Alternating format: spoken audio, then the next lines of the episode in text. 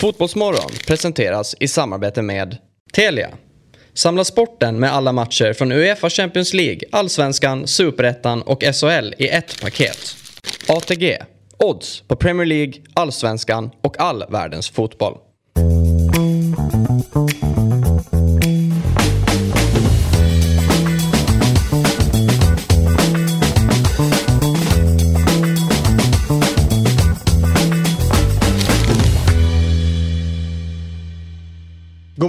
Och hjärtligt välkomna ska ni vara till Fotbollsmorgon. Vi skriver in den 31 oktober, vecka 44. Och jag ska berätta för er att man ska aldrig ta för givet att ens vänner dyker upp. Ö, Och jag och Jesper är extra glada denna morgon att Robin är här. Efter denna fruktansvärda veckoslut du hade. Med sjukdom, med, med spyor, offentliga spyor på offentliga transportmedel. Eh, och en film som du vägrar skicka över till mig. Jag hade inte tänkt att visa den för någon annan. Utan jag ville bara se hur hemskt du hade där på tunnelbanan. Hur mår du nu? Du är en riktig kompis du, eh, David. Och eh, det är ingen har varit så mån om, inte mitt mående, eh, men om att komma över rörligt på hur det här gick till som du. Det har varit eh, Kan du tresiffrigt. vilja sitta och kolla på det? Va? Varför vill du se det? Alltså, bara för att jag, som jag skrev till Robin, att jag vill eh, verkligen känna hur illa och jobbigt det har varit för honom. Så att jag också kan delta i, i, i det jobbiga. Finns väl inget värre än att se någon spy? Nej, fast det är ju... Eh, eh, man vill ju inte se någon kanske spy just hemma. Men det finns ju någonting kittlande i att det händer på en tunnelbana. Ja. Och jag var lite nyfiken också hur de andra i vagnen Ja. reagerade. När Robin, är det mellan två stationer du känner att nu är det kört? Hade det varit på en station så hade jag lämnat och lät det här ske på stationen. Så mycket Ja. kan man säga. Och jag, var, alltså, det jag är ganska äckelmagad, så om, jag, jag kommer inte att vara speciellt grafisk om vi ska prata om det här i 40 sekunder till. Ni behöver inte oroa er av den anledningen. Men jag förstår att det här är äckligt. Ja. Det skedde mellan två stationer och jag hade i dubbel bemärkelse tunnelseende. Så jag kan inte avgöra ifall eh, de runt omkring mig hur de reagerade. För jag såg minst av alla där, jag stirrade ner i en påse. Men eh, jag märkte ju att alltså, det var en väldigt trång tunnelbana. Men ändå blev det så här. Ja. Alltså så det blev som ett... Kände eh, du dig som Moses? Nej, men mer som en självmordsbombare. Okej, Eh, i- vad tråkigt. ja, ja. Ja. Så annars är det just det här med att man får saker att liksom bara öppnas upp. precis, precis. Ja. Ja. men det är det de har gemensamt. Ja, ja, alltså skaka hand-emoji. Ni tre. Ja, ni Vi tre. Ja. Så måste jag göra om man vill stå själv. Fejka en spya. Exakt. Verkligen. Det, det, är ju, eh, det är ju ett jättebra tips, verkligen. Om, sen man inga, sen tappar man ju all, eh, all vänskap i hela världen. Alla tycker man är väldigt äcklig. Nej, men det, det, var, det var traumatiskt och jag fick väldigt, väldigt många eh, hörde av sig och skrev att det, det är deras värsta mardröm. Att spy. Det var ju mitt på dagen. Alltså det var ju vid tycker- 15 tycker bläcket. fruktansvärt. Ja. Det är väl... eh, Men det är, flyg, Nej, men det här är fruktansvärt. flygplan emot, det är ännu värre. För då finns det ju ingen, man kan man ju inte lämna. Nej, det, här är ju ändå plå, det är ju plågsamma minuter för det, men du kan ju någonstans ändå försvinna därifrån. Och Så så, är det ju. Ja, nu är det ändå hyfsat offentligt, men, men förhoppningsvis så har folk inte koll på det. Nej. Och så är det glömt, liksom, även om alla går nog och återberättar eh, det där Ja. för, för nära och kära, för det är ändå en sjuk grej. Men, eller så bara tänk, jag tror att tyvärr att de kommer eh, prata om det som ett fyllo. Ja, Det, det tror jag också. Det tror jag också. förmodligen. Du, eh, så här är det. Jag tänkte att vi, vi ska med oss Alexander Axén idag eh, från 7.45 och att från och med då går, vi, går vi igenom lite grann om eh, allsvenskan. Alltså, vi fick ju Häcken till svenska mästare igår. Grattis. Grattis. Vi ska prata lite om det. Men innan vi kommer in på själva fotbollen igår så vet jag att eh, Robins öga, i synnerhet när han ligger hemma och är lite rasslig, är knivskarpt. Och du skannar igenom sociala medier och landar in på saker emellanåt som du liksom fastnar för. Och nu är det min före detta kollega Daniel Nannskogs mage som har eh, hamnat in i ditt eh, blickfång. Ja. Och har fått dig att haja till rejält. Vad tänkte du när du såg detta? Webcam tänkte jag. Det är någonting med bildkvaliteten. Det här lade Danne Nanskog ut på sin... Jag följer honom på Instagram. Ja, kan du berätta vad vi ser för de Ja, som förlåt. lyssnar? Nej, men det är en, eh, en selfie. Eh, lite snett från sidan. En tydligt markerad kalsong eh, eh, resår från Calvin Klein. Calvin Klein. Ja. Ja, och eh, en tydligt spänd, eh, ett spänt magparti. Mm. Eh, det är den Daniel Nanskog som visar sina abs, helt Ja. enkelt. Dåligt ljussatt. Och eh, nej, men jag slungades tillbaka till mellanstadiet, måste jag säga. Okej. På ett härligt sätt. Ja. Det var goals eh, då. Att, göra, att ta den här typen av bilder. Nej, men jag, jag, jag, det var, jag, jag, jag, jag lägger egentligen... Jag gör väl det. Det är klart det ligger värdering i det i och med att du ändå på något Skrev sätt... något? Ja, men Eller det var var, det nå- bara magen? n- nå- någonting om det här. Jag vet inte om det var typ rivstart eller något skit. det är väl Ja, alltid det. han, jag jag vet inte vad han gör för, eh, om han är i något program, men han verkar ju då vilja få tillbaka sin body, som han säger, the Mm. body. Att han eh, har typ, svårt att prata om det här utan att börja skratta. Mm. Att han har gjort sig känd genom åren att eh, då ha en, en fantastisk eh, atletisk kropp. Eh, och att han kanske känner att han under åren när han inte har eh, varit aktiv Mm. kanske eh, gjort saker som gjort att kroppen inte har varit lika atletisk längre. Mm, och nu ska den tillbaka. Så är det faktiskt. Och i då den här transformationen så har då Robin noterat det här. Mm, ja, men visst. Nej, men, och, så här, Wikingsson var här och, och eh, hånade mig för att jag la upp mina löpbilder. Jag försöker sluta med det. Det är mänskligt det här. Har man abs eh, och inte hade det förut så fattar jag att man vill visa det. Det är inte, är inte konstigt. Och eh, jag, tyckte bara att det var, det var rörande. Men man brukar ju då göra det om man vill visa upp det, vilket man kan ha förståelse för. Om man har gjort en, en, en resa och är stolt över sig själv. Då kan man väl göra det genom att lägga upp en strandbild. Liksom. Här är det, ju, nej, men så här, det, det klassiska, nu står vi här och oj, vad jag var vältränad. Eh, Här kom jag upp ur vattnet Ja och men det bara exakt, ja men lite en så. bild. Ja. Det, det är väl mer naturligt än att liksom dra upp tröjan så här. I klädkammaren. Ja. För det är så dåligt ljus. Nej men det är ju köket. Ja, Då måste han byta ja. ljus i köket. Ja, både och. För grejen är att om ni ser köksbänken bredvid, det är det som är så roligt. Det finns ju ingenting på det. Nej. Nannskog är, Manskog? Nannskog är pedant. Alltså det är det som Ja, det ser man ju. Det Mm. finns, du vet, han, eh, hans syrra och jag är tydligen mer lika, alltså lite, lite mer slarviga. Och när man jobbar med honom så kan han bli förbannad på mig för att jag är för slarvig. Och det, vet, så, om man lägger någonting så här, då, går då kan han hålla på och flytta det eller vet, plocka undan. Ja. Så att det där är ju definitivt eh, i köket. Guys. Uppe. Mm. Eh, grejen är att så här, jag har ju eh, alltid gått runt och tävlat att det är ju eh, lite av en enigma den här klubben. Dels så har du snacket om att det är så stort följe och alltihopa. Eh, och sen så är det ju inte det, när vet man sitter och kollar på det. Men jag på något sätt har, eh, i och med att vi har en här på jobbet som håller på guys, så har man liksom lite grann från sidan om följt deras resa tillbaka.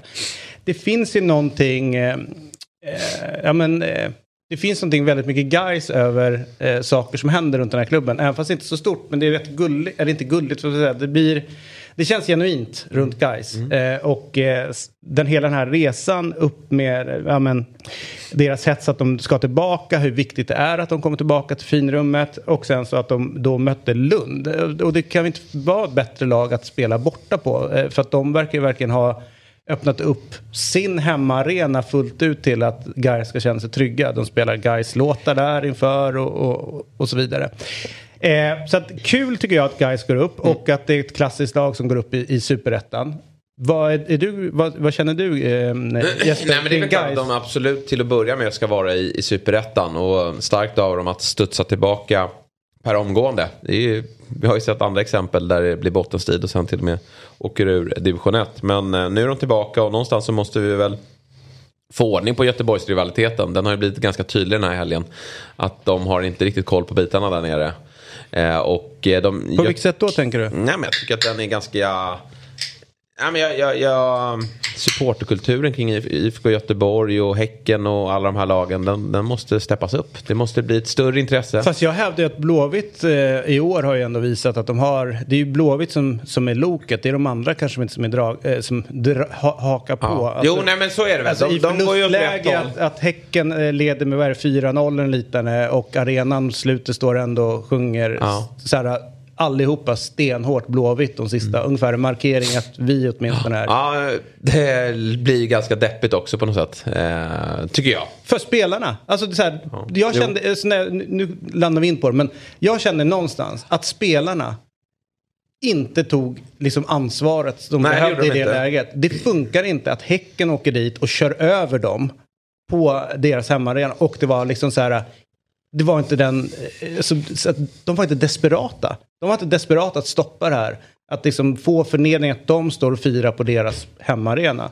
Och ungefär som att, så här, Ja. att ja, men de såg inte, de Det, såg det är inte inte lätt priset. att säga. Jag tycker ofta att det blir lite så här. De, de, de såg inte ut att vilja. Det var ingen inställning. När de bara är ett så otroligt mycket sämre fotbollslag. Alltså jag tycker Men, det pa är... men packa ihop. Alltså det går ju att se till så att det inte blir en överkörning med 4-0. Ja, det kanske det gör. Vi ska, alltså redan när det är 2-0, Ja. så omgruppera. Nu måste vi fan få stopp på det här. Mm. Det går inte att det bara fortsätter med att de här öppna jävla landskapen springa igenom och, och på det sättet.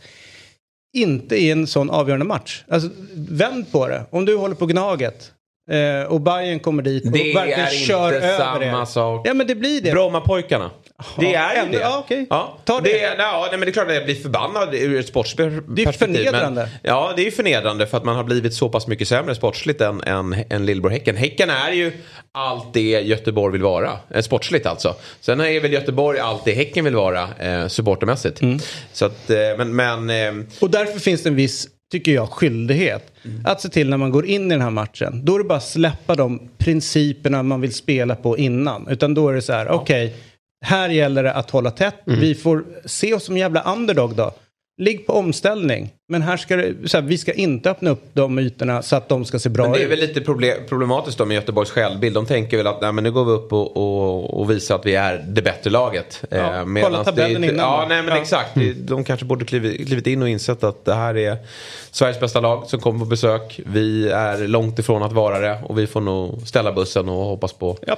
på omställningar. Sen har de ju tunga avbräck i Gustav Svensson. Han är ju lite en Ingen- sån som ännu, leder en ja, sån satsning. ännu större anledning till att inte släppa till och, och öppna upp. Alltså, så här, Men finns det tekniska, taktiska kunnandet då? För jag, jag säger Leicester och City, där, där- är det så tydligt att där finns det ju, alltså Leicester är ju bedrövliga på många sätt, men de kan ändå parkera bussen. Om man parkerar bussen och ändå torskar med 2-0, hade du inte varit ännu mer irriterad då?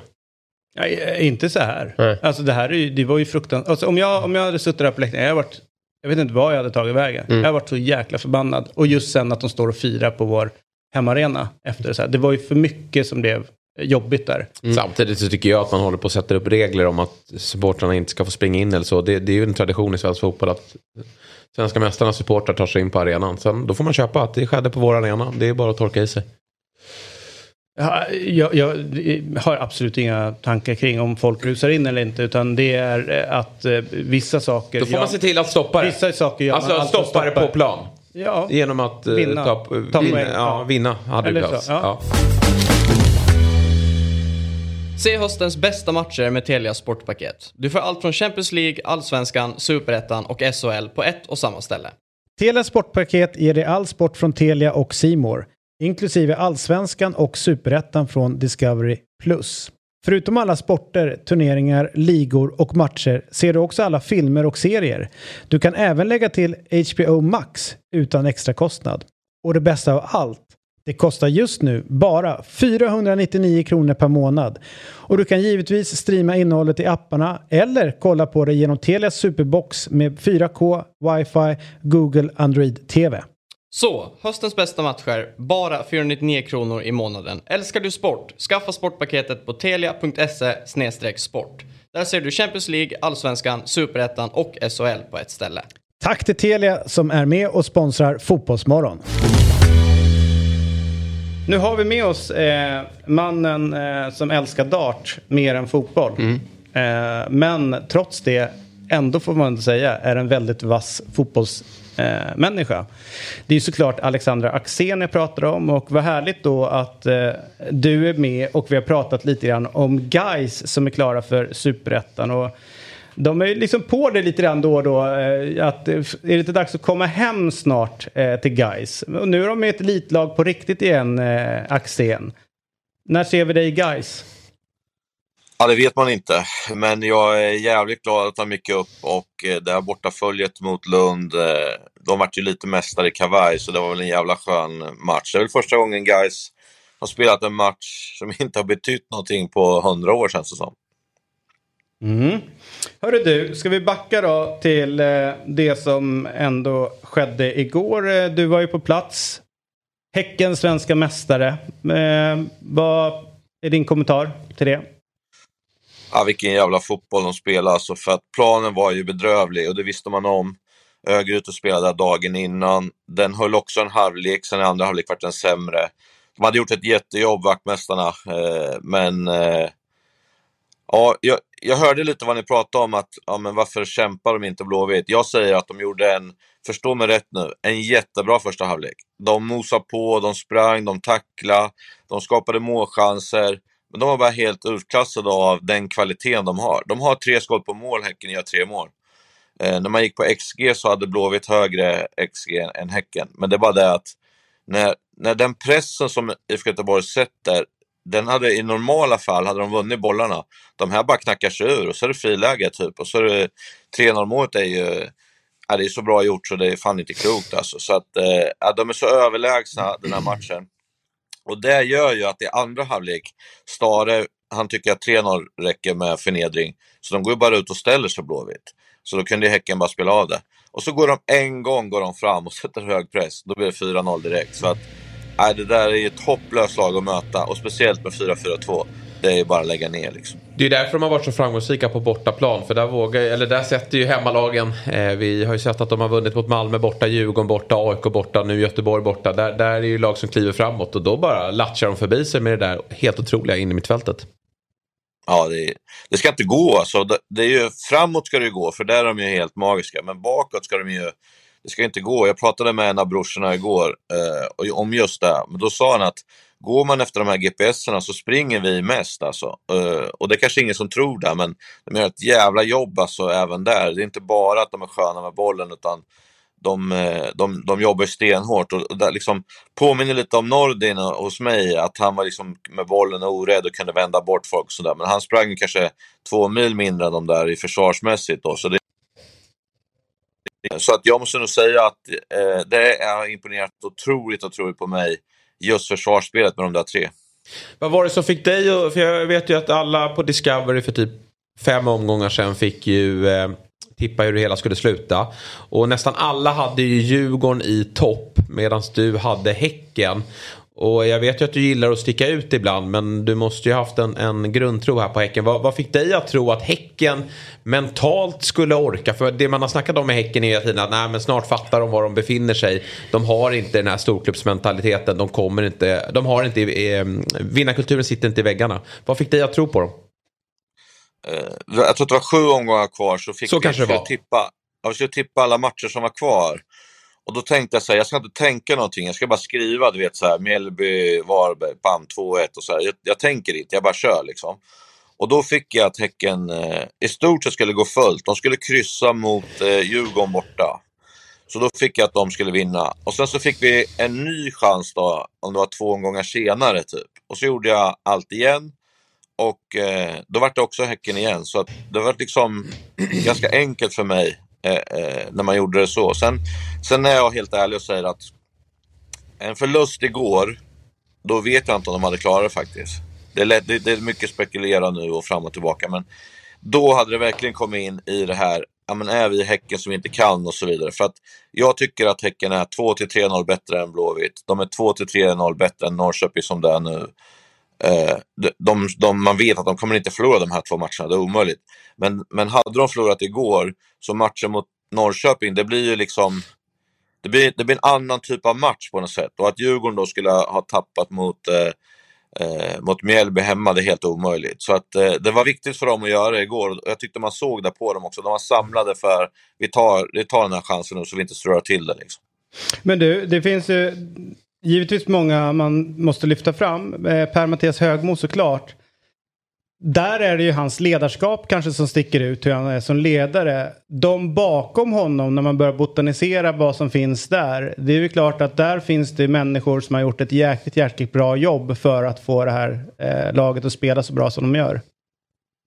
Jo men det var också kul det Jesper sa också där att det är liksom en liten klubb och sådär men de har ju resurser som är topp, topp liksom. Det finns ju ingen position som, som till exempel de andra har som inte Häcken har. De är snarare i framkant på mycket av sådana här saker.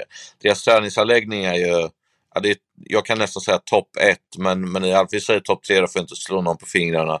Alltså allting finns där ekonomiskt och sådär. Liksom, så att de, de har så en jävla känsla på vad de vill göra och som ni sa förut också med Dennis, Sonny, det var under en längre tid, Marcus Sjödin som kommer in igen och vet vad Häcken är. Eh, deras ordförande är helt magisk också, så skön, bara gick och lalla går med en bira i handen. Alltså, de, de, det blir ju en kvartersförening, men det är ju på det absoluta proffsigaste sättet man kan komma. Liksom, mm. så att, ja, de där har ju verkligen någonting eh, på lång sikt också, tror jag, framåt som kommer bli jätte, jättebra. Och sen även kortsidan har ju blivit mycket, mycket bättre på hemmamatcherna. Den är fortfarande tveksam borta, men den är ju den är jättebra hemma för att vara, för att vara Häcken. Och jag tror att det här guldet kan göra att, eh, att det kommer lite mer folk ändå, för att det är ändå så att man vill hålla på lag som vinner när man är liten. Nu har de gjort det. Eh, och då tror jag att de, de, som bor på hissingen kan få en annan känsla för, för, eh, för sitt eget lag. Man ska komma ihåg att hissingen är ju ungefär lika stort som Örebro. Så potentialen finns ju där. Eh, det är bara att man måste få dit dem. Det är en underbar arena och sådär. Och man borde kunna ha fullt varje gång egentligen. Men eh, de har jobbat hårt för det och inte fått det. Men jag tror att den här vinsten kan, kan göra att det blir lättare. Får jag, får jag vara lite taskig nu? Då måste jag ju säga att Häckens prestation blir än mer imponerad om det upptagningsområdet är som Örebro med tanke på att Örebro numera ligger där de ligger. Men låt oss gå vidare. Men då, det är spännande att det gäller match, någonting i matcherna. Ja, ja jo, så är det. Sen måste de ju vara, de är ju sylvassa i sin scouting också. Där måste de ligga långt före många andra klubbar. Alltså tittar man på nyförvärven de tog in, det var därför man inte hade dem i någon, någon form av toppstrid. För man visste helt enkelt inte hur bra de här spelarna var. Men sen så, så fort man ser dem spela så, så förstår man ju varför, varför Häcken är ett topplag och att de att det sker väldigt mycket bra saker när det kommer till scouting. Och Martin Eriksson har inte varit där särskilt länge. Han ska ju såklart ha mycket cred för vad han har gjort. Han har tagit in ena Gustafsson-brorsan här, behöll Jeremejeff. Men det är ju någon, det är ett arbete som måste ha pågått en längre tid också. Jo, men så är det ju. Och sen, eh, jag tittade på nyförvärven och pratade lite med Friberg inför säsongen och han visste inte vilka det där var. Jag, han har ju inte de programmen som jag har så jag fick ju lära honom lite att du kommer få jobbigt på mitten, det kan jag säga. Men, eh, men om man säger Rygaard i början där, vi, ni pratade också om kuppen där. Han var mycket på ytor där man låter dem vara så att säga. När det var lite press, han tappade en boll bland annat mot Hammarby hemma i kuppen så det bara small till. Det var 4-0 utklassning. Då kände jag liksom att det är lite på gränsen för naivt det här. Och, och har han verkligen tempot för allsvenskan? Men jag hävdar ju ändå att det är första matchen mot AIK som gör att det vänder allting. Eh, de kommer in i den, alltså första matchen med ja, vart är vart står vi någonstans egentligen och sådär. Och så har man en, en dag när man bara kör över AIK 4-2. Det var ju smickrande siffror för AIK egentligen. Eh, och från det flög man, även om man fick stryka Blåvitt om det är omgång tre eller vad det är. Eh, så kändes det ändå som att de hade hittat rätt sådär. Men vi säger att AIK hade vunnit med 2 eller 3-0 i första matchen. Ja, då, då vet man inte. Det är det här mm. som är så sjukt, hur lite det skiljer alltså från, eh, från succé eller inte. Och sen vet jag inte, det är Jonas Dahlqvist som håller på med Eh, man måste vinna första omgången, i alla fall inte förlora för att kunna vinna guld tror jag. Så det är ju liksom, första omgången är mycket, mycket viktigare än vad man tror. Mm. Får jag fråga? Ja, eller det kan man säga. Både 1990 så torskade väl Blåvitt med 6-0 var tror jag var mot Norrköping och sen gick det väl ganska bra. Så att eh, hälsa Dahlqvist att han har fel. Du kan du köra Robin. Jo, men du vet ju själv eh, att en sak håller ju inte över hundra år. Typ. Men om du slår ut det så är det så. Ja. Ja. Så vinner inte AIK premiären nästa år, det är bara att lägga ihop. Så du vet AIK om brukar inte vinna premiär, men eh, vi går Exakt, vidare. de brukar inte vinna så mycket Exakt. guld nej, nej. Men det, det sa att inte, det går inte att möta dem 4-4-2. Eh, Med facit i hand, hur skulle man ha mött Häcken då? Hur, hur ska man manövrera ut det här? Ja, det är jävligt lätt att säga hur man inte ska göra. Ja. Eh, för det är uppenbarligen få lag som har lyckats göra någonting. Det är två förluster på 29 matcher. Eh, ja, jag skulle nog, alltså för det första, gå högt är helt meningslöst. Det tycker de bara är roligt. Så jag skulle liksom gå tillbaka direkt igen egentligen. Eh, och, och sen måste man på något sätt splitta upp det. Så du har en forward som går mellan mittbackarna kanske. Och även om både Hammar och, och Hovland är ju svinbra med fötterna så skulle jag kanske låta Hammar ha den i så fall. För Hovland har en lite längre spelet också. Eh, men sen är det bara att försöka lura in dem till mitten och försöka vara att man vinner duellerna där och sen åka därifrån. För det har ingen chans i att försöka vara cool och ha mycket boll och gå fram och sådär. För det, det, du är chanslös på det. Så att det blir en defensiv formation där man får gå på kontring. Det är ju inte svårare än så faktiskt. Du, eh, eh om man vänder sig mot Blåvitt lite grann så eh, så är en av de största i, i den klubbens historia tackade för sig igår och blev avtackad. Den mest framgångsrika spelaren på 2000-talet. Han har gjort 464 A-lagsmatcher för klubben, SM-guld 2007 bland annat. Det är Mattias Bjärsmyr såklart jag, jag talar om. Eh, vad tänker du kring den spelaren om du ska summera hans eh, liksom, karriär? Ja, men är en Blåvitt-spelare. Eh, han var ju med på den där äckliga tiden när de var som bäst och hetsade och skrek och, och var så omringade domare och grejer. Det som var liksom det jobbiga med IFK Göteborg. Och att man tappar sådana typer av spelare, det, det är ett litet problem för IFK Göteborg. Just för att de söker sin identitet nu. Eh, och eh, det är det som hemvändarna skulle komma och bygga upp igen på Kamratgården. Men det är lite andra typer av spelare nu och lite annat typ av tänk, vilket gör att Frågan är om vi kommer få se den här typen av spelare igen eller den här typen av människor som, som de har varit, de här hemvändarna. Vi får väl se vad som händer med Sebastian Eriksson också, han har ju utgående kontrakt. Eh, jag tycker att han ska spela, men, men eh, de är i ett mittemellanläge och sådär. Så att Mm, att de försvinner, men samtidigt har Bjärsmyr på bänken som inte får spela, det tror jag ingen blir glad av. Nej. Du, om vi snurrar vidare då till Bayern då som typ får man säga nu är klara för en eh, tredje plats. Eh, vad, vad tycker du om deras säsong? Ja, det är jätteimponerande med tanke på att han kom in sent och han, han har ju knappt sett ett spel innan det började allting med kuppen och sådär. Så att hans jobb är ju otroligt imponerande. Sen gick man fel i, i somras på nyförvärven därför att det är ingen av dem som har riktigt lyft. Eh, och man köpte dem för att vinna guldet och det gör man inte. Så det är klart att, att det är en besvikelse för, för Jesper och dem. Trea tror jag att de tar eh, ändå, men eh, speciellt på slutet här, man vill inte choka på slutet. Man får ju alltid små eh, dippar, men de har ju fått det på slutet och bytena har ju framförallt inte lyft, utan det är snarare blivit tvärtom sämre. Så att jag tror att de är inte är helt nöjda, spelarna, eh, med hur det har blivit på slutet. Men, men trea är såklart bra. Mm. Du, vi tar kampen i botten då. Eh, den är verkligen inte över. Vad, vad tror du kommer landa i till slut? Jag gjorde ju det där testet igen då. Då hamnade ju Varberg där varje gång, hur jag vände och vred på det. Jag är dock inte lika säker egentligen nu då för Degerfors ska åka till Malmö och Malmö verkar ju vakna till lite igår. Eh, så där tror jag inte att de tar någon poäng. Men frågan är verkligen om, om Varberg slår Sirius. Det är frågan. Sirius ska vi komma ihåg också varit klara igår. Eh, så de kommer ju kunna komma ut och ha lite skönt och, och lira lite och sådär. Typ. Och de måste vinna eh, den matchen, Varberg. Varberg har eh, jävligt dålig form. Det ser inte bra ut för dem. så att jag tror att det blir Varberg som får kvala och då får de verkligen samla ihop sig för att, eh, för att klara det just formmässigt. Spelmässigt är de klart bättre än det här laget som, som ska kvala i Superettan, för det har varit en sorglig serie i år.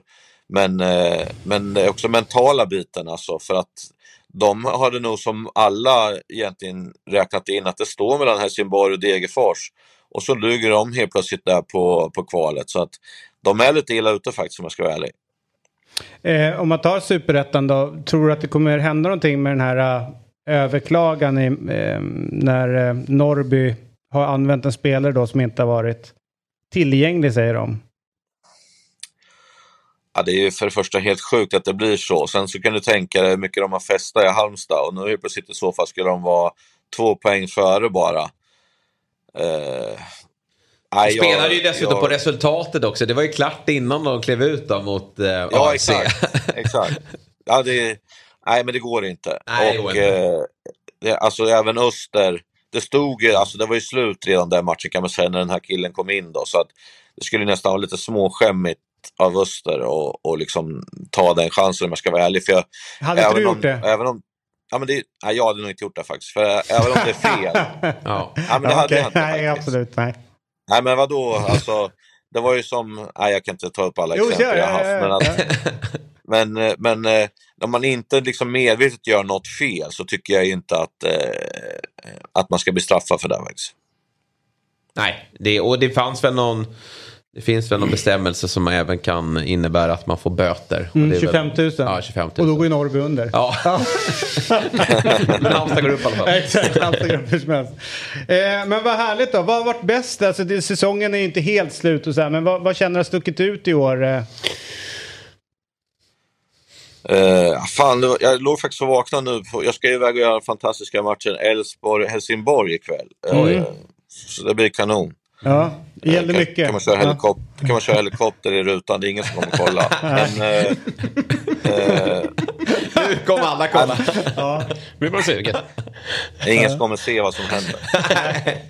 Men, eh, ja, men jag tror så här att eh, eh, när vi sammanfattar det här så kommer det vara att eh, jag, jag tycker att lag 8 och uppåt, att det blir liksom en eh, kvalitetshöjning. Det är bättre spel, det är bättre allting. Vi ser också att Malmö kan komma sjua för att de andra är tillräckligt bra. Jag menar, de har vunnit guld som till exempel förra året utan att vara skitbra om man ska vara ärliga. De dela, liksom, vinner på målskillnad mot AIK.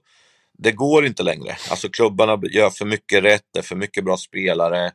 Eh, publiken är tillbaka. Alltså, eh, det här året har varit faktiskt magiskt tycker jag, just fotbollsmässigt. För det har varit mycket bra fotbollsmatcher och fullsatt överallt och trycket som är där vi är unika i Allsvenskan. Så att, eh, ja, grymt. Och sen då att nykomlingarna, eh, det, blir tuff, det blir tuffare och tuffare att hänga kvar faktiskt. För att eh, Eh, lägger man ihop eh, eh, Helsingborg och eh, Sundsvalls poäng så får de, ligger de på kval just nu. Det säger ganska mycket om hur långt efter de är nu.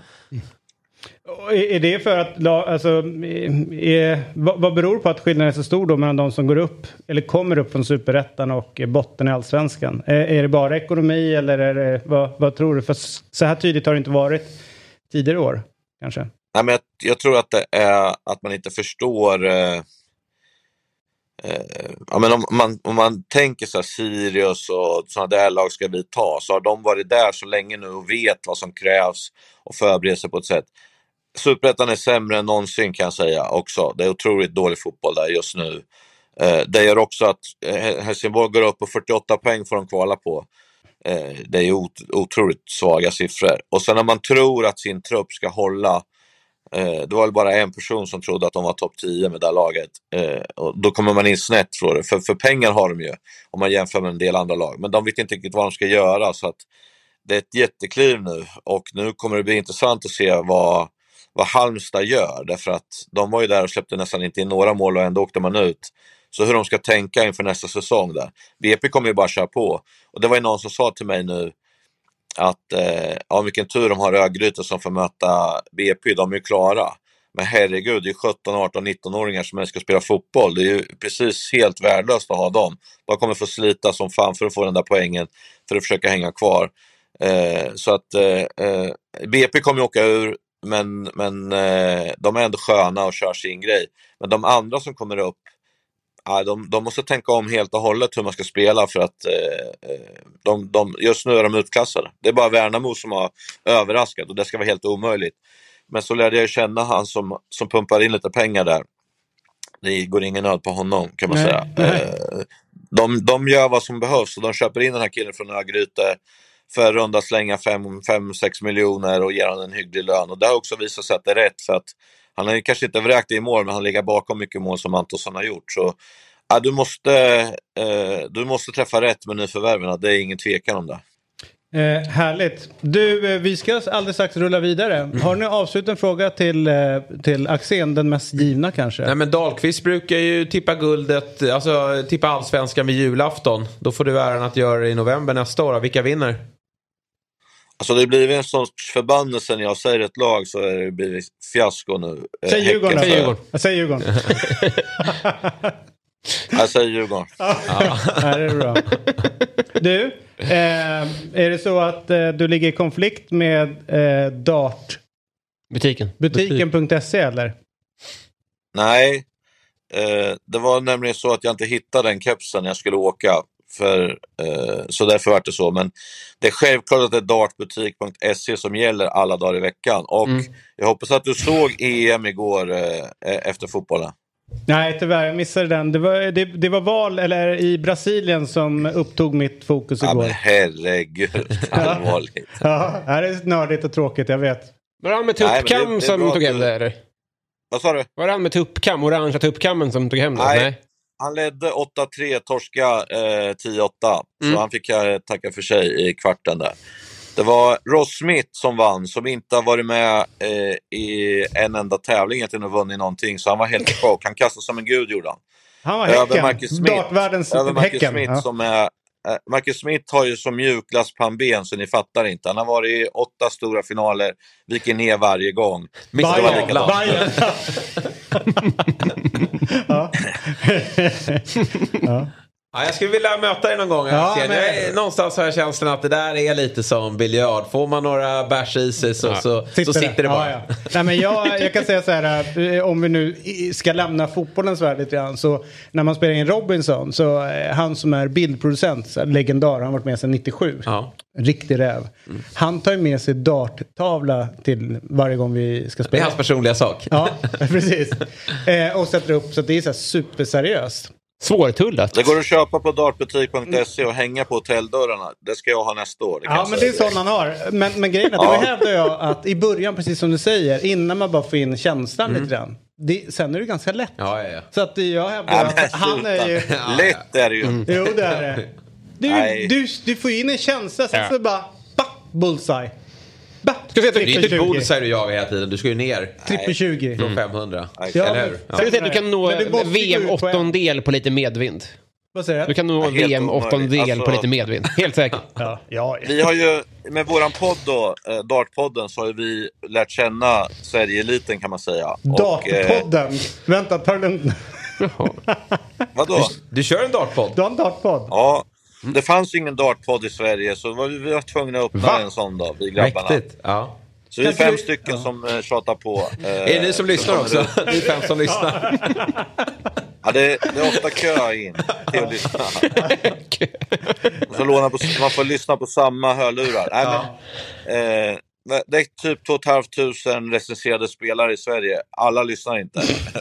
Men vi finns där i alla fall. Ja, Ja, snyggt. snyggt. Eh, elitspelarna i alla fall har, har vi ju intervjuat och träffat och sådär. Och eh, då var vi på Birka Bowling och Dart i Stockholm och käkade lite och drack och kastade. Och då, då var det så finns andra ställen en från oss, också. Vad sa du? Ja, det finns andra bowling och eh, Ja, det dartställen finns också. East, Ja. eh, East framförallt är ju toppställe i Stockholm. ett till. Ja, ett till. Eh, ja, skitsamma. De betalar ingenting för att få nämna, så då, de får höra av sig i så fall. Eh, men vi var där i alla fall och. Då fick ju vi, en av oss i Dartpodden var med, en av de här bästa. Liksom. Ja, det är så sjukt hur bra de är. Alltså. Det, är- det är galet alltså. Eh, så att eh, det är en liten sån här aha-upplevelse. Men då frågade jag också en kille som heter Oscar Lucasias. här, Om jag vill bli lika bra som dig, hur mycket måste jag kasta? Och då sa han, jag kastade ungefär 10 timmar om dagen varje sommarlov. Eh, så då la jag ner den tanken om att bli bra. Liksom. Det är sjukt. Jag fattar. Men däremot om man då har talangen, du får tänka på att jag är från Afrika ändå och det finns mm. spjutgener där bak någonstans. Så att, eh, det här, här kan ju nog... Mycket afrikaner i världstoppen. Ja, jag, får inte någon bild det på borde det. vara det, eller hur? Ja. Det finns en, Ja, du ser, du ser. Vad heter han? David Peterson. Det är min grabb. Ja, han, har, han har inte vunnit match det här året, men han, han var bra innan det här året. Sen har det helt chokat totalt. Alltså. Nu är det dags för kvällens höjdare som vi presenterar här tillsammans med Telia. Äntligen. Då kan vi säga ikväll 19.30 alternativt redan på play så ligger eh, Robinson och idag så är det pristävling som snurrar. Just det. Ja, spännande. Ja, Ja. Hoppas det börjar bli lite käk nu. Vad sa du? Jag är trött på, jag är trött på de här um, när man får um, fiskenät och skit nu. För det blir ju inget av det ändå. Nu vill vi ju ha käk. Att de ska få mat? Ja. De lever på en öde ö. De får väl leta rätt på sin Jo, mat. men, nej, men alltså att de ska vin- kunna vinna en oxfilé eller Ja. någonting. Alltså det är det man vill åt. All right. Här har vi kvällens fotbollsrelaterade höjdare ikväll då på Telia. Tyvärr helt död allsvenska. Ja, men det, kan jag säga, men det är ju Hellas Verona mot Roma eh, som snurrar igång 18.30 och den är superspännande. Ja. Eh, d- där ska det vara, eh, den matchen är lite intressant därför Roma går oväntat starkt den här säsongen.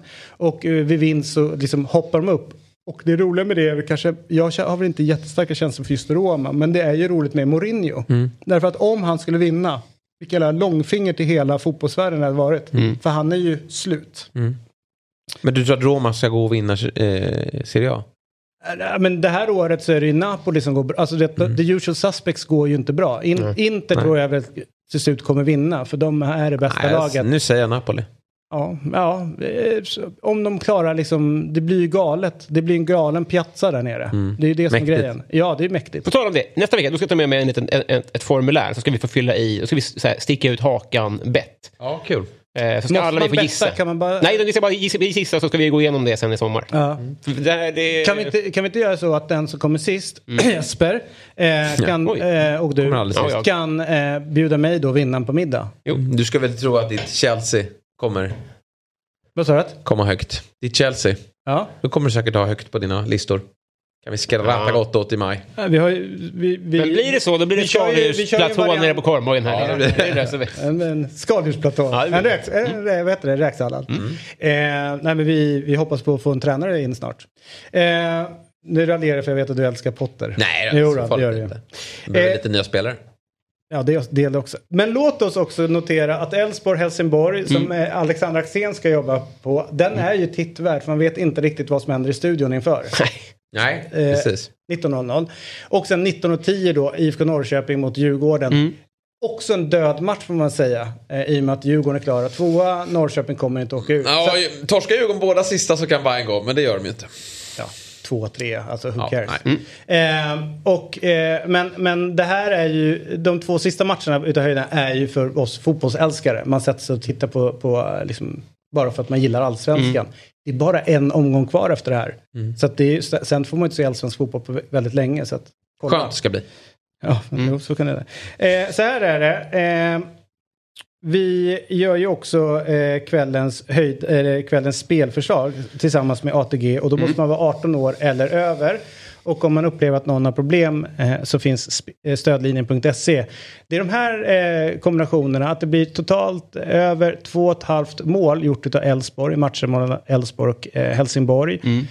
Att Svein Aron Gudjonsen kommer göra mål i den matchen. Eh, och att det kommer bli totalt över 2,5 mål mellan Norrköping och Djurgården. Två målglada lag får man ändå säga. Eller potentialen finns ju där. Och att båda lagen gör mål. Det ger en kombination på eh, 5 och 15. Den här är ruskigt bra. Ja, vilket innebär att jag måste frångå principen för att få en lunch. Just att köra 20 en, en Selma. Det kommer inte jag göra utan jag kommer lägga en guldpeng och få ut mina 51 och 50 och sen spara det till att kanske få en lyxigare lunch när myggan sen kommer Ja, in och precis. lägger sin grej imorgon. Yes, Selma var länge sedan hon var på 20 Vad säger du? Selma var länge sedan hon var på 20 men Är inte hon det det är eller? Astrid. Skojar du med mig? Nej, jag får byta När bytte de det? Tio år sedan kanske. Okej, jag får lägga en Astrid. Ja, det blir enkelt. Ja.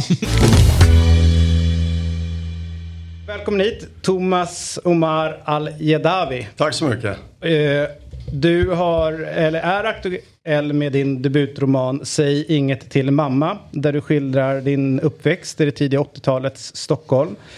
Och du var ju under 80-talet aktiv inom graffitikollektivet Real Magic Art. Och under 90-talet så var du med och startade eh, firman Boys. Eh, så att välkommen hit. Det Ja, finns tack. mycket att liksom botanisera i här. En hel Och- del. Ja.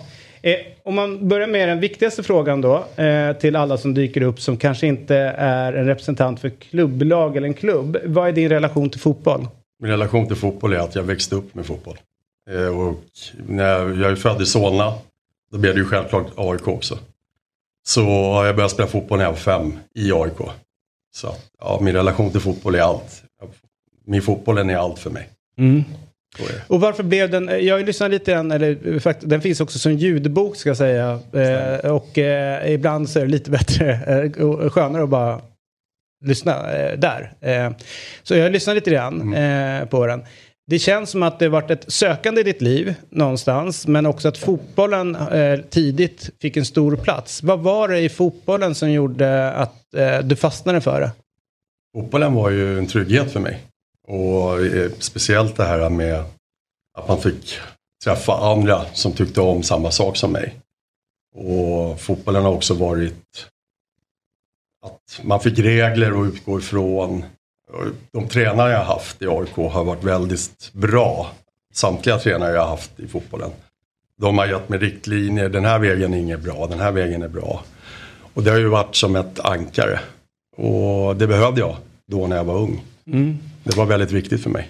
För, för de som inte har eh, koll på, på dig och boken och liksom eh, anledningen till att du skrev boken och, och, och kanske inte har så koll på filmen Boys. Om man börjar med liksom, vad fick du att vilja skriva en bok om din uppväxttid och, och liksom det du har gått igenom? Jag har alltid tyckt om att läsa först och främst. Och sen eh, när jag gick ettan, tvåan, trean så hade jag en lärarinna som hette Annika. Hon fick mig att börja skriva. Eh, Eller ja, det var så att man fick ju, du vet när man gick i plugget ettan, tvåan, trean, även ända upp tills man slutade skolan så fick man ju en bok man skulle läsa, så skulle man skriva om den. Oftast var den här boken inget intressant utan man fick ju ta en bok som läraren valde ut. Men hon förstod sig på mig, hon sa det att välj en bok eller skriv någonting som du tycker om. Och det är på det sättet så när hon sa det, skriv det du tycker om så vart det ju om fotboll. Jag började skriva direkt. Så att det bara rann. Medan tidigare då har jag fått andra som har sagt skriv om det här. Och då vill man inte, jag, jag slår bakut när någon säger åt mig att skriva om saker eller göra saker som jag inte blir tillsagd om. Eller som jag blir tillsagd om. Men här var det då att jag fick skriva precis vad jag ville och då skrev jag. Och hon sa det att vi hade en tjej i klassen som hette Annika. Hon var bäst. Fick fem i allt. Men hon sa det när vi, efter lektionens slut, så sa hon att du är i paritet med Annika, så bra skriver du. Och få den boosten fick mig att välja att börja skriva. Hur kommer det sig att debutromanen har dröjt så pass länge då? Eh, jag har ju behövt bearbeta. Eh, det var också mycket att jag... Det här är ju pojken. Jag skriver om den här lilla pojken och det är jag. Eh, och har ju gått på terapi. Då har man fått höra då också att man ska skriva om, man ska gå in i sitt lilla pojken. Och för mig har jag skrivit om den här lilla pojken och på det sättet också få reda på vem fan jag är. Hur var det att eh, liksom Det har både varit gå, jobbigt. gå tillbaka till... Ja, det är jobbigt. För rätt många av de miljöerna du skildrar och de sakerna du varit med om. Kan jag känna att barn ska inte behöva uppleva de här sakerna. Nej. Eller bli exponerad för de här grejerna. Eh, säkert jobbigt där och då. Men sen så tänker jag att eh, man är ganska bra på att för- förtränga saker och gå Ja. vidare. Jag kan Och säga sen går du David, tillbaka och sen ska börja grotta Ja. i det igen. Hur- jag kan säga David, då när jag växte upp så var det ju ingenting som var onormalt för mig. Det här var ju normal, min miljö. Ja, exakt. Och, då, ja, ja, okej. och det var ju så att jag, eh, jag visste ju inget annat. Nej. Och då blir det ju inte att det är onormalt. Men det har man ju förstått när man blev äldre. Mm. Att det här kanske inte var det normala att växa upp på det här sättet. Eh, och då när man då går in och grottar i det så förstår man ju att det här var ju inte det bästa. Men då, och där och då när man var liten så var det ju det här normalt för mig. När kom du fram till det då? När började du känna att det här kanske inte är det bästa? När ville du göra en förändring i... i... Eh, när livet, jag blev liksom. pappa. Ja. När jag blev pappa själv. Då, det var där och då jag förstod att jag behöver för jag tänkte att jag ska inte ha, de ska inte få uppfostras på samma sätt som jag blev uppfostrad. Så jag är ju en riktig curlingpappa istället. Jag har fyra söner. Eh, har blivit extrem curlingpappa och gått till motsatta hållet istället. Men det var ju på den tiden 80, 90, 70-tal. Eller säg 70-80-tal. Eh, en helt annan eh, syn på uppfostran då. Då var ju föräldrarna lite mer så här, ja men gör vad du vill, sköt, sköt ditt, vi har nog med vårat. Och man var inte lika engagerad i barnen som man är idag. Nej. Nej. Så att på det, det var ju på gott och ont. Idag kan man ju också se att man är kanske lite för engagerad. Men eh, ja. Så, Jag tänker så. också så här. Du är ett barn. Eh, du har en... Eh, du har en situation, visst är det mamman eller pappan som inte pratar mer under perioder hemma? Det är pappa. Mm. Pappa som liksom kör någon silent treatment mot dig ganska hårt. Mm. Eh, en eh, psykiskt, liksom, en psykosocialt liksom så här för dig hemma måste ha varit jäkligt jobbigt Ja. liksom runt det hela. Mm. Tror du att det, eller kan du känna besvikelse över att du inte fick hjälp som barn?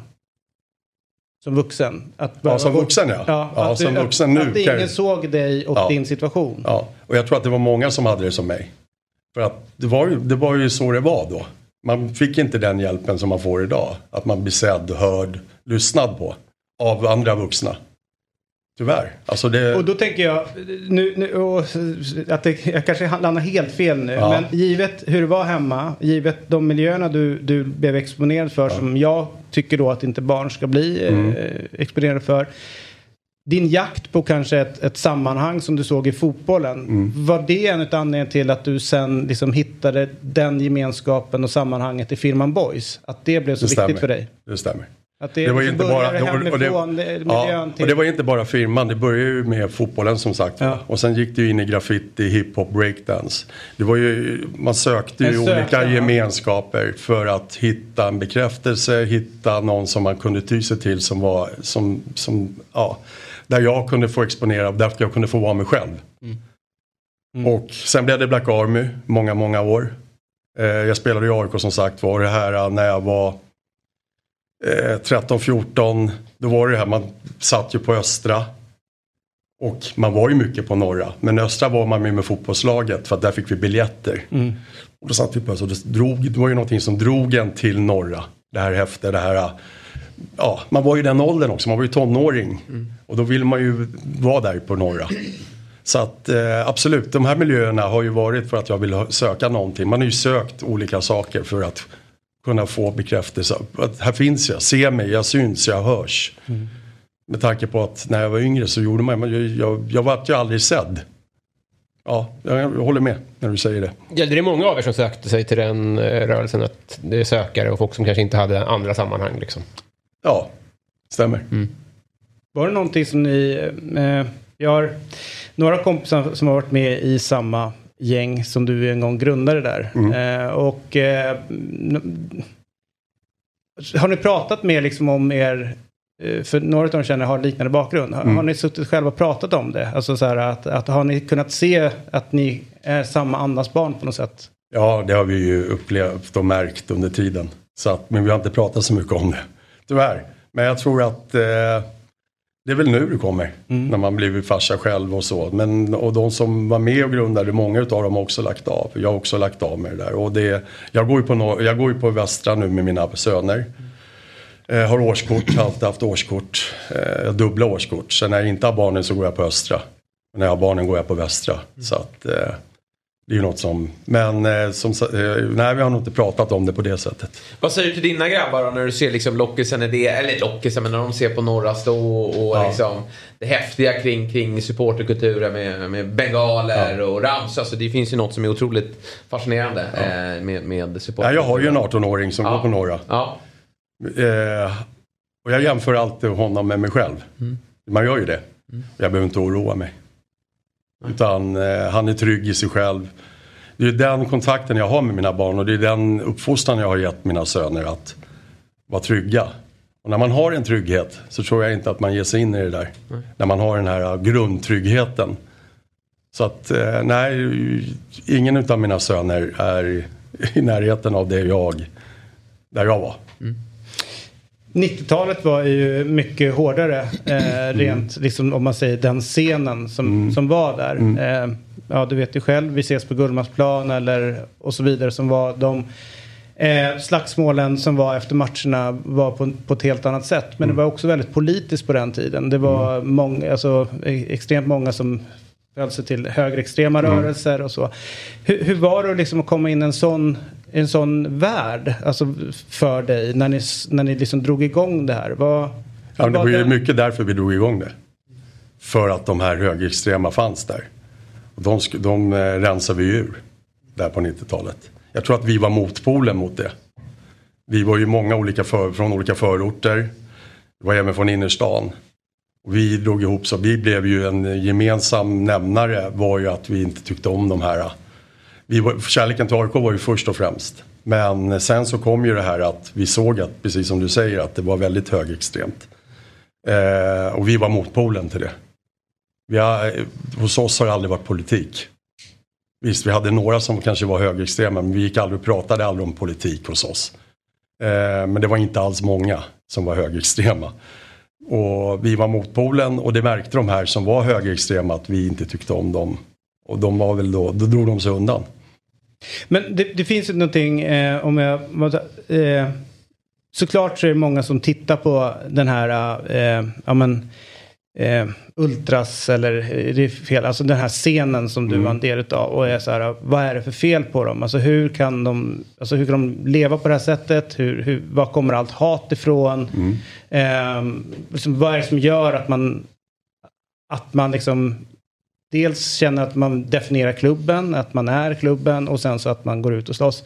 Vad är det som, eh, vad är det som vi utanför inte fattar? Vad är det som, är, eh, som gör att, eh, att vuxna män i synnerhet känner att det här är helt naturligt, det vi håller på med nu. Och det här är viktigt, vi måste ut och stå de andra på näsan. Vad är drivkraften bakom det här? Jag kan bara tala för mig själv och det är ju att först och främst så är det inte att man ska slå de andra på käften. Det, kom, det är sekundärt. Först och främst är det gemenskapen. Den gemenskapen du får där det är en gemenskap som är Ja, det går inte att ta på. Utan vi är ett och en. Vi alla har en kärlek till AIK först och främst som jag sa. Sen kommer det andra och det är, visst det är våldet. Och det är ju inte mot andra, vem som helst. Utan det är ju likadant med deras gelikar.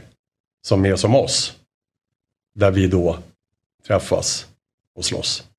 Men jag har inte varit med i de här grusgrops... Nej, det är lite senare. Ja, sen det är långt precis. senare. För där har också skett en eh, förskjutning tänker jag. Att, eh, eh, Ja, våldet idag är ju Mer, mer... fram, alltså att man nästan är först och främst så gillar man våldet Ja. och sen så blir fotbollen nästan sekundärt. Precis. De, de, från början vad jag förstår så var det ju fotbollen som Ja. förenade er och sen så var det några som tyckte om att det var kul och ja, Ja, det precis. andra också. Och jag tror också att det mycket kom ifrån England. Det var ju, man tog till sig det här engelska. Sen när England då försvann lite, sen kom Italien. Och det var mycket att vi gick och kollade på italiensk fotboll. Vi hade ju vänner som också kom från Italien. Som eh, drog med sig det här. Alltså det var ju att det, det byggdes ju på lite. Och man tyckte det var lite häftigt. Så att eh, det har ju också mycket med att man, vad, man, vad som sker runt omkring en i den här världen.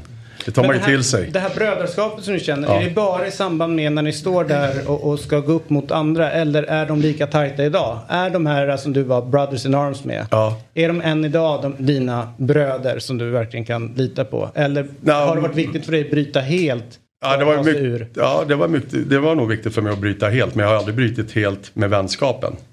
Vi är fortfarande vänner. Är vi ju. Men eh, absolut inte lika tajta som vi var då. Och man växer också. Man, man, man, blir, man blir äldre, man blir farsa. Då får man andra prioriteringar. Och det är de prioriteringar jag har. Och då är det många andra killar också i den, i den gruppen som också har blivit pappor. Som också har valt att prioritera sina barn. Och familj. Jobb. Så att, ja. Jag tycker det är så spännande. Å ena sidan så eh, har du klippt helt med det, Mm. med rörelsen. Å andra sidan så upplever jag när du pratar nu att du vill nyansera bilden Mm. av det. Om jag frågar min morsa så är jag helt säker på att hon har en Helt väldigt binär bild av det. Att, det. att det är skit, att det har ingenting med fotbollssupporterskap Nej, att göra. jag kan hålla med. Jag Finns det en kan- konflikt i dig i det? Att du å ena sidan vill klippa med det och å andra sidan så vill du se att det, det, vi var supportrar också. Vi var, det var AIK först och så vidare. Ja, nej men det är ju det så det var. Och jag kan, jag kan ju förstå att folk inte förstår det. Det har jag full förståelse för. Att man inte kan förstå vad det där handlar om. Vad, handlar, vad, vad är det där? Det är ju helt knäppt. Men till syvende och sist så är det någonting jag har gjort. Och det är ingenting jag ångrar. Annars skulle jag inte skriva den här boken. Jag skulle inte suttit här idag. Jag skulle inte vara den jag är idag. Och det, det handlar inte bara om den här grupperingen. Utan det handlar ju om allting jag har gjort i mitt liv. Och jag förstår varför folk tycker att det är helt knäppt. Men det är som det är. Ja, så är det ju verkligen. Intressant också jakten på, liksom, får man ändå säga utifrån en lite varierande, eh, i ditt sökande efter att hitta ett sammanhang så har det varit lite varierande. Graffiti och, och liksom Ja. har ju sin egen rätt. Jag ser kopplingen någonstans till hiphopen däremellan. Den var väldigt tydlig. Mm. Men jag ser inte riktigt sen eh, AIK och firman. Alltså, Nej, men det var ju, där- det var ju på grund, Stora, ja, men det var ju på grund av att jag spelade fotboll i AIK. Och där träffade jag ju sen och var mycket på norra och var mycket på, på vad heter det, matcherna. Så att den connection, det var ju ett liv med hiphopen och ett liv var ju fotbollen. Och de connectar ju inte, som du säger, det var ju två skilda världar. Men hiphopen och det var ju också synas och höras. Nej, men jag menar, graffitin var ju att man skulle synas överallt, man skulle göra sina målningar. Eh, breakdansen var ju likadant, man skulle vinna de här battles, breakdance battleserna. Och sen likadant i fotbollen, man skulle vinna matcherna, man skulle, vi, vi var AIK. Så att, ja, jag, jag tycker ändå det finns någon gemensam nämnare där på något sätt. Jag har inte hunnit läsa boken ännu, men hur, hur var din relation med dina föräldrar då och hur är den idag? Mina föräldrar är ju tyvärr eh, avlidna Jag bägge beklagar. två. Mm. Ja. Men eh, mamma var ju mitt ankare. Ja. Mamma var ju ankaren. Han- Och hon var ju född här på Västmannagatan. Fjärde generationens stockholmare, riktig AIK-are. AIK-land också. Ja, ja, exakt. Precis. Och hon var ju den som fick mig att bli gnagare. Ja. Men när hon då flyttade, träffade pappa. Och pappa då, han var inte, han var inte intresserad av fotboll. Nej. Han gillade boxning och han, det var mera han var mer karakar. Men fotboll var inte hans grej. Men mamma var ju då riktig aik som sagt var. Och när vi då flyttade till Solna, eller när mamma flyttade till Solna 1968, då sa hon att det var som att komma till landet. Det var, alltså, för henne var det, fan är vi någonstans? Men ju- för mig att växa upp i Solna, det var ju fantastiskt. Nära till Råsunda, alla var aik Det var som en familj. Och där var det också, vi pratade om det här med våldet. Eh, 70-80-talet så var det här, eh, man, man fick skydda sig själv hela tiden. Man fick stryka de äldre. De snodde ens kulor, fotbollskort om man inte stod på sig. Och så var det hela tiden. Det pågick hela tiden det här att man var tvungen, när man hade man en cykel som var ny. Och ta, låna cykeln, då kunde de dra iväg med cykeln. Så vet man att man inte fick tillbaka cykeln eller inte. Det var lite den tiden i, de, i den eran, 70-80-tal. Det skrivs mycket om det, det framgår mycket i boken. Och på det sättet fick man ju hela tiden försvara sig. Eh, och jag tror att det, det, på, det, det var ju någonting som eh, påverkade mig. Och det gjorde ju att man blev vad man blev sen till slut också. Så det var väldigt, det var lite ruffigt kan man säga. Det, det pratas hela tiden om liksom, ja, men den här säsongen såklart, där klubbarna har gått ut och sagt att vi måste få slopp, stopp och stök eh, inne på arenorna och sådana saker. Eh, vad tror du skulle vara det mest effektiva sättet att på långsiktigt få unga män att eh, sluta dras mot eh, våld? Eh, Jag tror det viktigaste är ju fortfarande det här med att man... För mig har det ju varit att man var med inom, i fotbollen. Man förstår ju att man inte ska dra av en banger inne bland sittplatsläktaren. Eh, man ska inte stöka inne på läktaren. För där är ju fotbollen. Det är ju där, vi ska spela fotboll på den läktaren. Det ska vara sång och det ska vara... Det, ja, bengaler har jag inget emot. nej, nej. Nej, men eh, på fo- fotbollen ska ske på läktaren. Och sång och sånt. Men däremot så. Det svåra är att få det där att etsa sig in. Jag kan inte svara på det. För jag har ingen universal eh, regel eller verktyg på det. Jag är ledsen men det är svårt. Och i synnerhet nu när alla vill synas och höras. Ännu mer än vad det var då. Men när det, nu, nu är det en annan tid då. Ja. Men när det drabbar en klubb ekonomiskt eller poängavdrag. Ja. Känner man ändå så här, nej men vi, vi gör, du säger ju att supporterskapet går först. Ja. Så att säga. Känner man ändå att man så att säga gör rätt eller att man gör någonting i rätt... Eh, Jag tror att det är så här att man då, där och då när man är där. Mm. Så är man inte medveten om vad man gör. nej. Utan där är det bara kicken då, där och då, så kör man. Sen förstår man ju efteråt om man är någorlunda normal att fan, det här kanske inte var så bra. Nu har jag ju förstört det där. Så att, eh, men där och då, nej. Är man inte rädd? Jag tänker så här, jag hamnade i en helt sjuk eh, situation. Jag, jag är ute och cyklar, det här är som, alltså vanliga, mitt i sommaren, en onsdag typ så här. Så ska jag bort till Tegnérgatan och köpa du vet, lågpristobaken som ligger där. Så precis när jag eh, kommer in, så den sista lilla stumpen bort mot Tegnérgatan.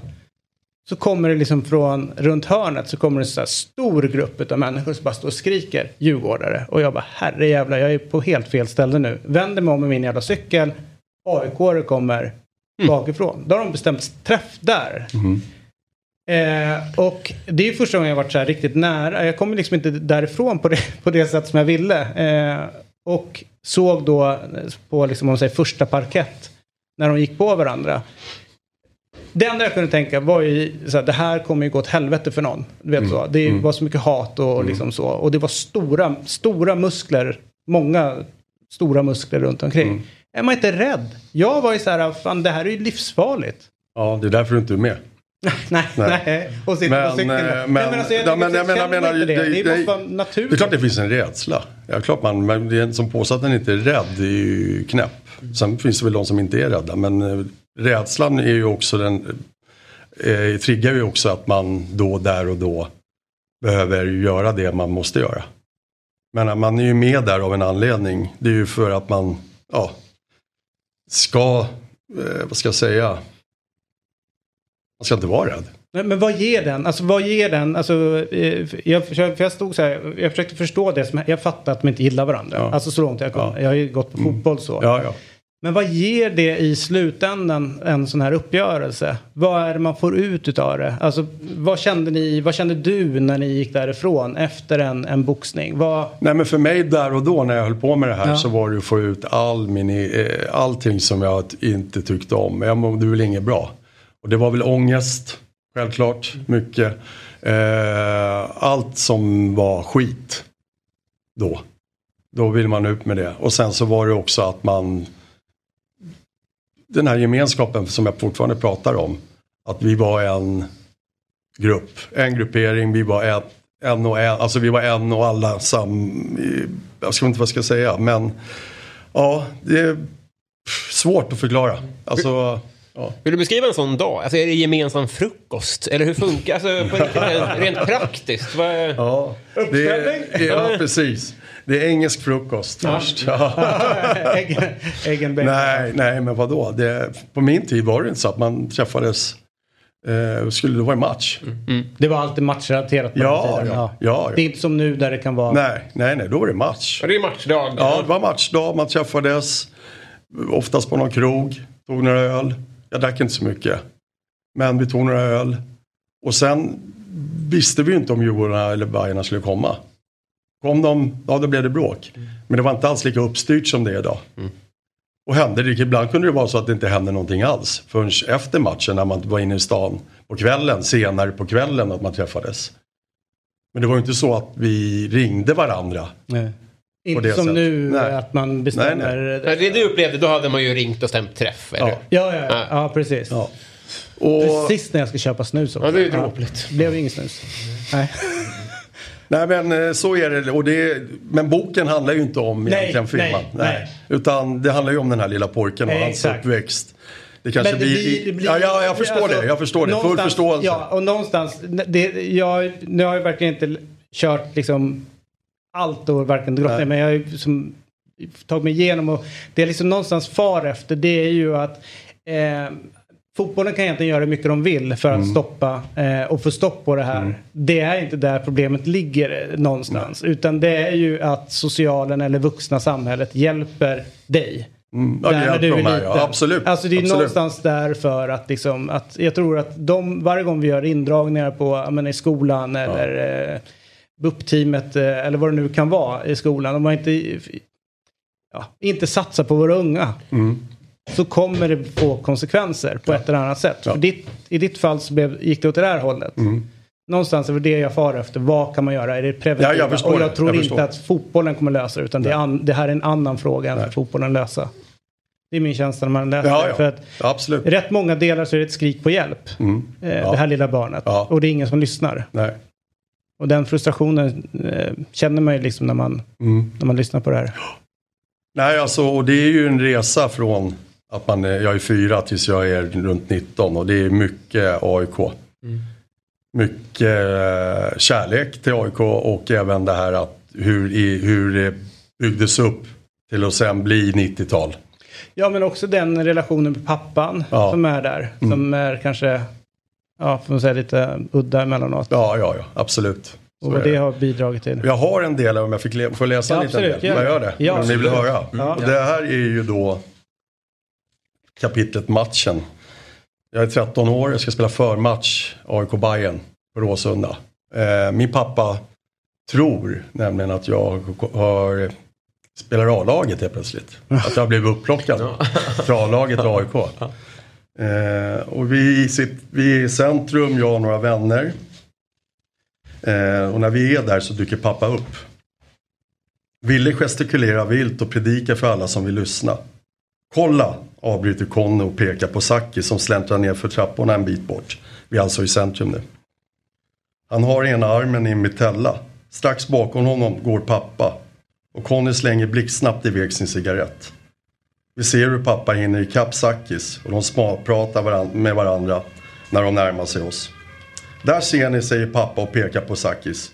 Man ska inte hålla på med band och sådana där konstiga sportgrejer. Han betraktar oss. Lyssna noga nu grabbar. Den bästa och enda sporten är tjejer. Han skrattar och rufsar Ville i håret. Sen pekar han på mig och säger. Har ni hört? Min son ska spela på Råsunda fotbollsstadion med de stora männen. Visste du det? frågar jag förvånat. Din mamma talade om den stora nyheten för mig, säger han och tänder en cigarett. Det är påtagligt hur stolt han är. Något som jag aldrig tidigare upplevt.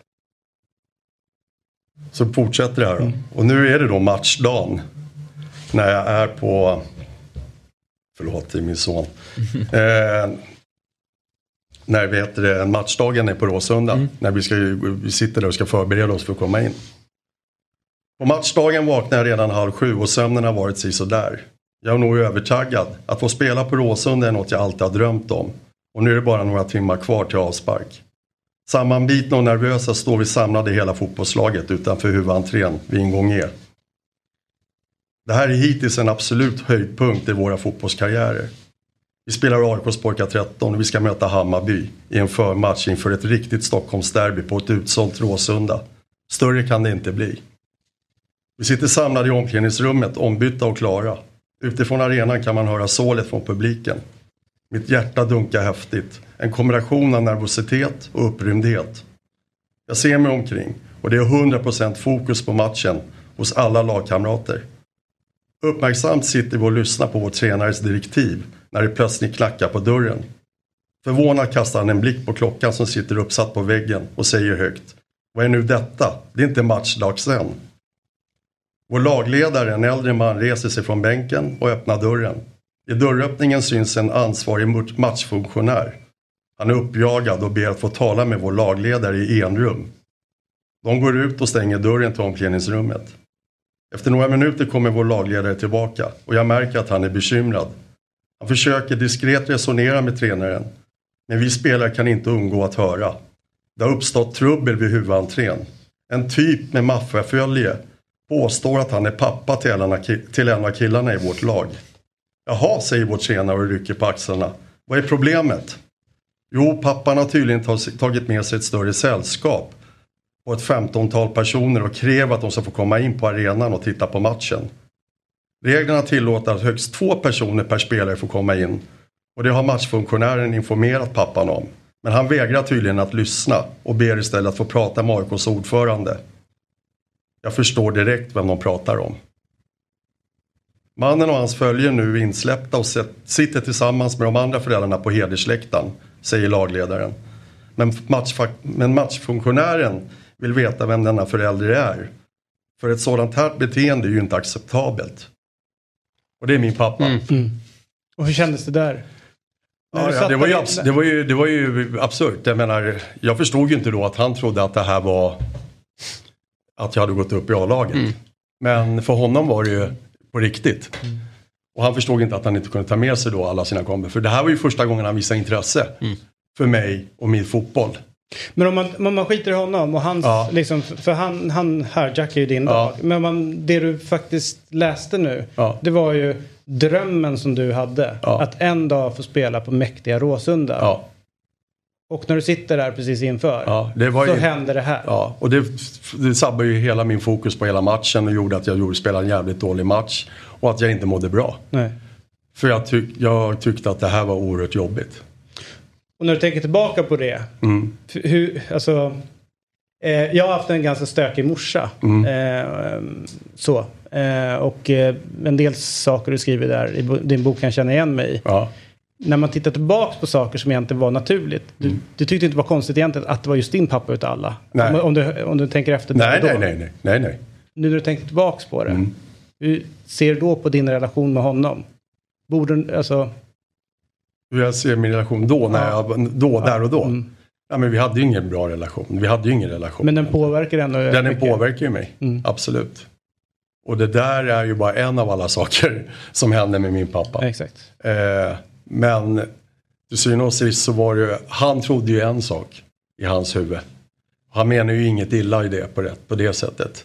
Utan han trodde att jag hade gått upp i A-laget. Det var ju hans grej. Att han, han trodde att jag var i A-laget nu. Och då skulle man, när man spelar A-laget, då fanns det vissa grejer som följde med där. Att han skulle få göra, han fick sig fri, ta sig friheter.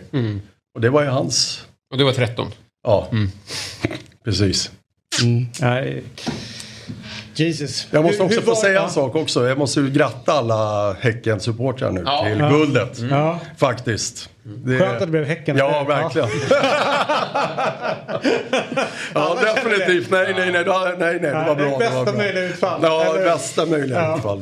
Kalmar, Häcken. Ja. Sådana, gillar vi. Ja, ja, vinner, ja, exakt. Hur bra som Men det är helst. väl ett eh, tack också för 98. Ja, definitivt. Definitivt. Det är de värda. Vad är, värda. det, vad är det liksom, eh, när har du känt dig som mest lycklig? När jag blev pappa. Självklart. Och när Gnaget tog guld 92. Första guldet där. Då var jag riktigt lycklig. Ja. Ja, Det var en en ganska lång väntan inför. Ja, det kan man. 37 år. Ja. ja, precis. Ja. Ja, äh, men den där finns ju att köpa. Säg inget till din mamma heter den. Eh, och- Säg inget till mamma. Säg inget till mamma. Ja. Eh, eh, finns den eh, ute både som ljudbok och eh, att köpa som fysisk bok och, och få, eh, få i handen och sådär. Och hur mår du efter när du skrivit den? Var det den Det var här, bra. Det var bra för mig. Liksom Jag behövde det. renande processen du behövde? Absolut. Absolut. Jättebra. Och jag har bara fått positiv feedback. Alltså jag menar inte från läsarna nu utan från de runt omkring mig. Mm. Att jag har blivit mycket lugnare och tryggare också. Men det är ju det att omfamna den här pojken. Det, det gör ju att man också kan relatera till vem är jag? Mm. Var kommer jag ifrån? Har dina barn läst boken? Ja, de två äldsta. Ja. De har läst dem. Jag har ju bara en 10-åring, eller en 8-åring och en 11-åring också. Ja. De förstår ju inte riktigt. Nej. Vad har de sagt då efter att Ja, de är stolta. Ja. De är stolta. De tycker att det var jävligt bra. Och det för mig Är det viktigaste? är det viktigaste. Och det är hatten av för det. Ja. Det coola är, som jag tänker att både du och jag kan ta med oss, Ja. det är att om man har haft stökiga föräldrar Ja. eh, så är det en sjukt mäktig grej att man ska göra tvärtom. Ja. Eh, man vet vad man inte ska göra som, eh, som förälder. Mm. Så det är väl det man kan bära med sig positivt Precis. med att ha stök där. Ja. Tusen tack för att du kom Jag tänkte förbi. bara säga att vi skulle lotta ut tre böcker också. Ja. Hur Har ni sagt det? Nej, vi, Nej. Vi, vi kommer fram till det. Ja, vi ska Ja. lotta ut tre böcker och då är det ju jag vet inte, det får ju ni bestämma. Men vi pratade om att vi kanske skulle, de skulle säga vad som står skrivet i boken. Vad jag har dedikerat. Men det är svårt. Det är svårt. Det är svårt. Så att eh, ni får väl hitta på något. Vi kommer på någon tävling. Vi har Ja. våra sociala medier där vi lägger Ja. ut det. Ja. Eh, Vi hade ju Lennart Ekdal här där vi hade en utlottning också. Så att vi ska hitta på något bra med den där. Men det är tre böcker i alla fall. Ja. Kul. Tack för att jag fick komma. Ja, men stort Ja. tack. Härligt att ha det Jätteintressant. här. Och nästa år, då jävlar. Ja. Nästa år då också. Det året också. Ja, precis. Shit vilka losers vi är igen. Det är helt enormt. Just det här året när AIK ändå haft chansen att Så många gånger också. Ja, inte bara en gång. Nej. Och då är det verkligen så här, ja men den här loser-mentaliteten sitter ju ändå ganska djupt rotad. Mm. Medan andra klubbar eh, går upp några få gånger och då går de hela tiden, Mm. hela vägen och vinner. Så kan det vara. Så kan det vara. Ja, härligt. Tusen tack för att du kom förbi. Tack. Eh, boken finns där böcker finns. Thomas Omar Al-Jedawi och boken heter Säg inget till mamma. Ja. Där har vi. Har det. Och det ska låtas ut tre stycken. Vi kommer göra det. Exakt. Följ oss i våra sociala medier. Kanon. Ja, Tack kan- för att vi kom. Ha det bra grabbar. Ha det så bra. Ha det så bra. Norrby som kämpar för sin överlevnad i Superettan tog ett, en oerhört viktig seger i helgen mot topplaget Öster. Och det innebär att Halmstad BK säkrar en, en plats i nästa års allsvenska trots förlust borta mot AFC. Men efter matchen kunde Fotbollskanalen avslöja att en anmälan mot Norrby hade skickats in till SVFFs tävlingskommitté. Detta då Borås, Boråslaget bytte in en obehörig spelare i lördagens match. I värsta fall kan det här leda till att Öster tilldöms seger med 3-0. Vilket skulle innebära att HBK, HBK inte längre är helt säkra för allsvenskan. Och framförallt så kommer det påverka botten i superettan. Där Norrby kampar med eh, Östersund och Dalkurd om att undvika direkt nedflyttning till eh, division 1. Nu har vi med oss klubbchefen i Norrby, David Kryssman, eh, som eh, eh, Jag tror vi har med oss, det verkar vara Frysrusa just nu. David, eh, välkommen och god morgon till eh, Välkommen till Fotbollsmorgon och god morgon. Eh, morgon. Kan du eh, förklara det som eh, har inträffat och hur det kunde inträffa? Ehm, ja, men det är väl en... ehm, I det här fallet en, eh, en administrativ, mänsklig eh, faktor här. Vi, vi hade en, en um, 20-mannatrupp uttagen för vi hade två stycken känningar. Och sen skulle Gustav Berggren strykas och istället strök, ströks då Gustav Broman.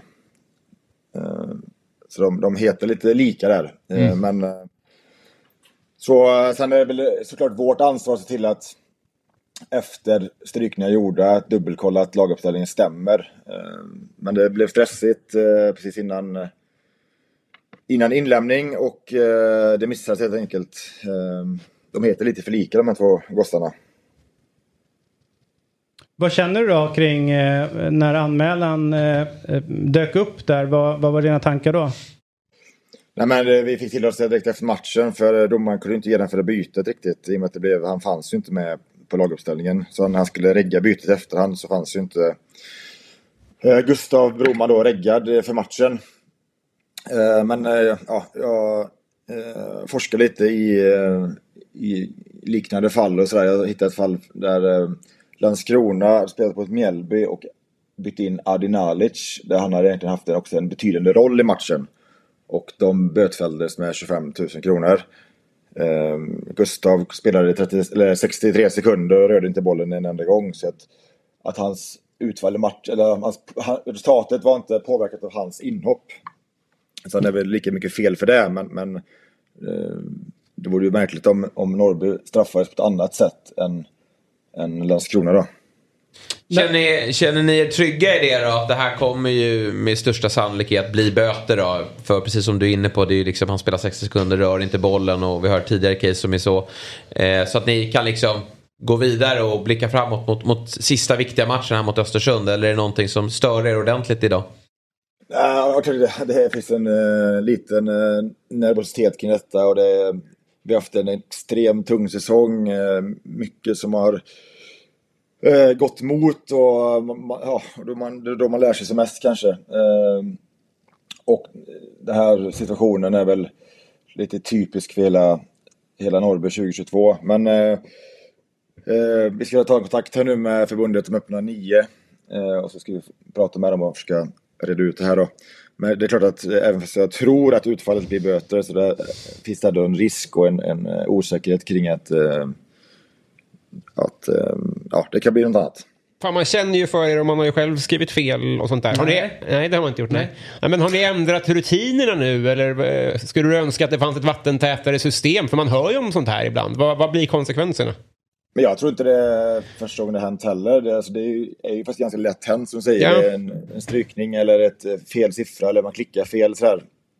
Eh, alltså i det här fallet fanns det alltså, det var skillnad. Kanske om spelaren varit avstängd eller inte varit spelklar. I det här fallet fanns det ing- inget uppsåt att liksom att på något sätt eh, ja, manipulera laguppställningen. Utan det här var ju helt enkelt var en, en mänsklig miss liksom.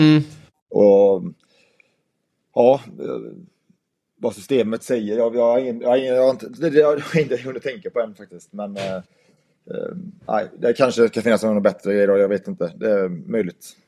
Du, eh, beslutet kommer ju komma när det kommer men hur som helst så har ni en viktig match kvar. Eh, hur går tankarna inför sista omgången? Eh, nej, men vi måste åka upp till Sund och, och försöka vinna, vinna matchen. Jag vet att det räcker med kryss men eh, inte riktigt eh, vår melodi och, och gå ut och spela lika utan vi ska nog försöka vinna matchen eller gå, för- gå, för, gå för att göra mål tidigt så vi kan spela lite avslappnat. Vi har vi har, eh, gjorde en, faktiskt en jäkligt bra prestation i lördags. Eh, kom upp i en nivå. Den här tab- tabellen och serien är ju så extremt jämn. Eh, vi har slagit Halmstad två gånger. Vi har slagit Öster nu en gång då. Spelade, spelade nästan, nästan lika borta. Var också en tveksamt dömt mål mot oss där borta. Så, så det, det är en eh, väldigt, väldigt udda serie. Det är med små marginaler och har du lite flyt med en bra start och lite stolpe in och, och så är det Ja, det såg vi minst, minst i fjol då, när vi var en, en, en eh, straffspark ifrån att kvala till allsvenskan. Liksom. Och det är mer eller mindre ungefär samma lag. Sen har vi tappat några såklart eh, Eh, uppåt och några nya in sådär. Men det är inte, så stor skillnad på lagen. Och, och ja, I år tappas vi neråt för att tappas uppåt. Så att, eh, det, det är tufft. Små marginaler. Mm. Härligt David. Eh, tusen tack för att du var med oss denna morgon och lycka till eh, på lördag när ni möter Östersund borta. Och eh, jag har en känsla av att det är rätt många som, i fotbollssverige i alla fall, som hellre ser att Norrby fixar det här. Än Jag Östersund. håller ju alltid på Norrby eftersom jag... Ja, är bästis med Kryssman. Precis. Eh, god morgon på dig, hej då! Hej Hej då! då! Eh, låt mig innan vi går in på kvällens höjdare Robin. Mm. Eh, bara trycka till dig lite grann nu. Vad fint. Regler är regler. Tror jag att någon satt och sa förra veckan. Mm, ja, men det, det sa jag nog faktiskt. Ja. Om man då använder en spelare som inte är anmäld till en matchtrupp oavsett anledning till det. Mm. Ja, nej, ut med dem. Mm, du ser. Ja. Vi går vidare. Hej då, Chrisman!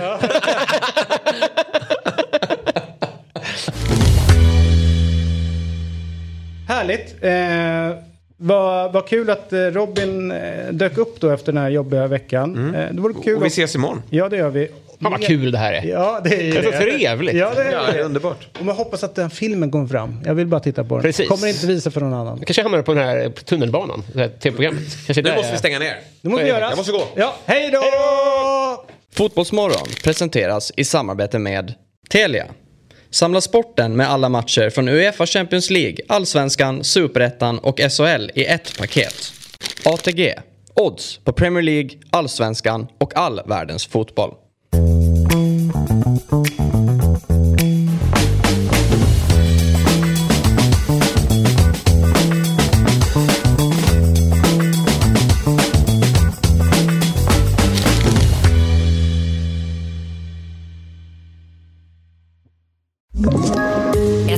Poddtips från Podplay.